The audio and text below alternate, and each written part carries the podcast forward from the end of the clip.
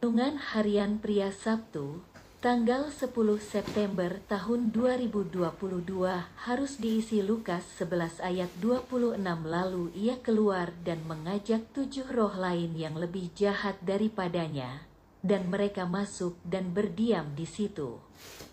Maka akhirnya keadaan orang itu lebih buruk daripada keadaannya semula. Yesus kembali mengajar dengan perumpamaan yaitu tentang orang yang sudah dibebaskan dari kuasa roh jahat harus segera diisi kehidupannya dengan Tuhan yang baru. Jika tidak, maka roh jahat yang sudah keluar itu akan kembali masuk ke dalam kehidupan orang itu.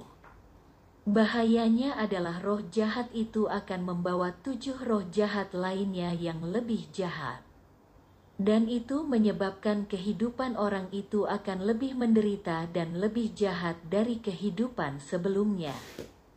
Jadi, orang yang sudah dibebaskan dari penguasa yang lama harus segera dipimpin oleh penguasa yang baru.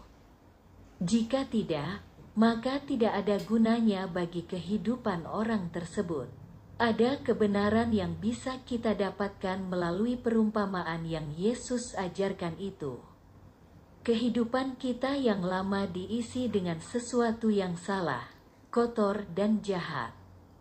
Karena Tuhan yang menguasai kita adalah si jahat, penguasa dunia ini. Tetapi ketika kita percaya kepada Yesus, maka Yesus menjadi penguasa di dalam kehidupan kita. Yang harus kita lakukan adalah kita menjadikan Yesus satu-satunya penguasa dalam kehidupan kita, dan tidak ada penguasa yang lain. Dan kita harus mengisi kehidupan kita dengan kebenaran firman Tuhan setiap hari. Jika tidak, maka kehidupan kita akan sama dengan kehidupan dunia dan kita tidak dapat mengalami kehidupan yang luar biasa yang Yesus sudah berikan kepada kita. Jadi, isilah kehidupan kita dengan kebenaran-kebenaran firman Tuhan. Refleksi diri: apa yang firman Tuhan katakan kepada Anda? Bagaimana kehidupan Anda dengan firman Tuhan itu?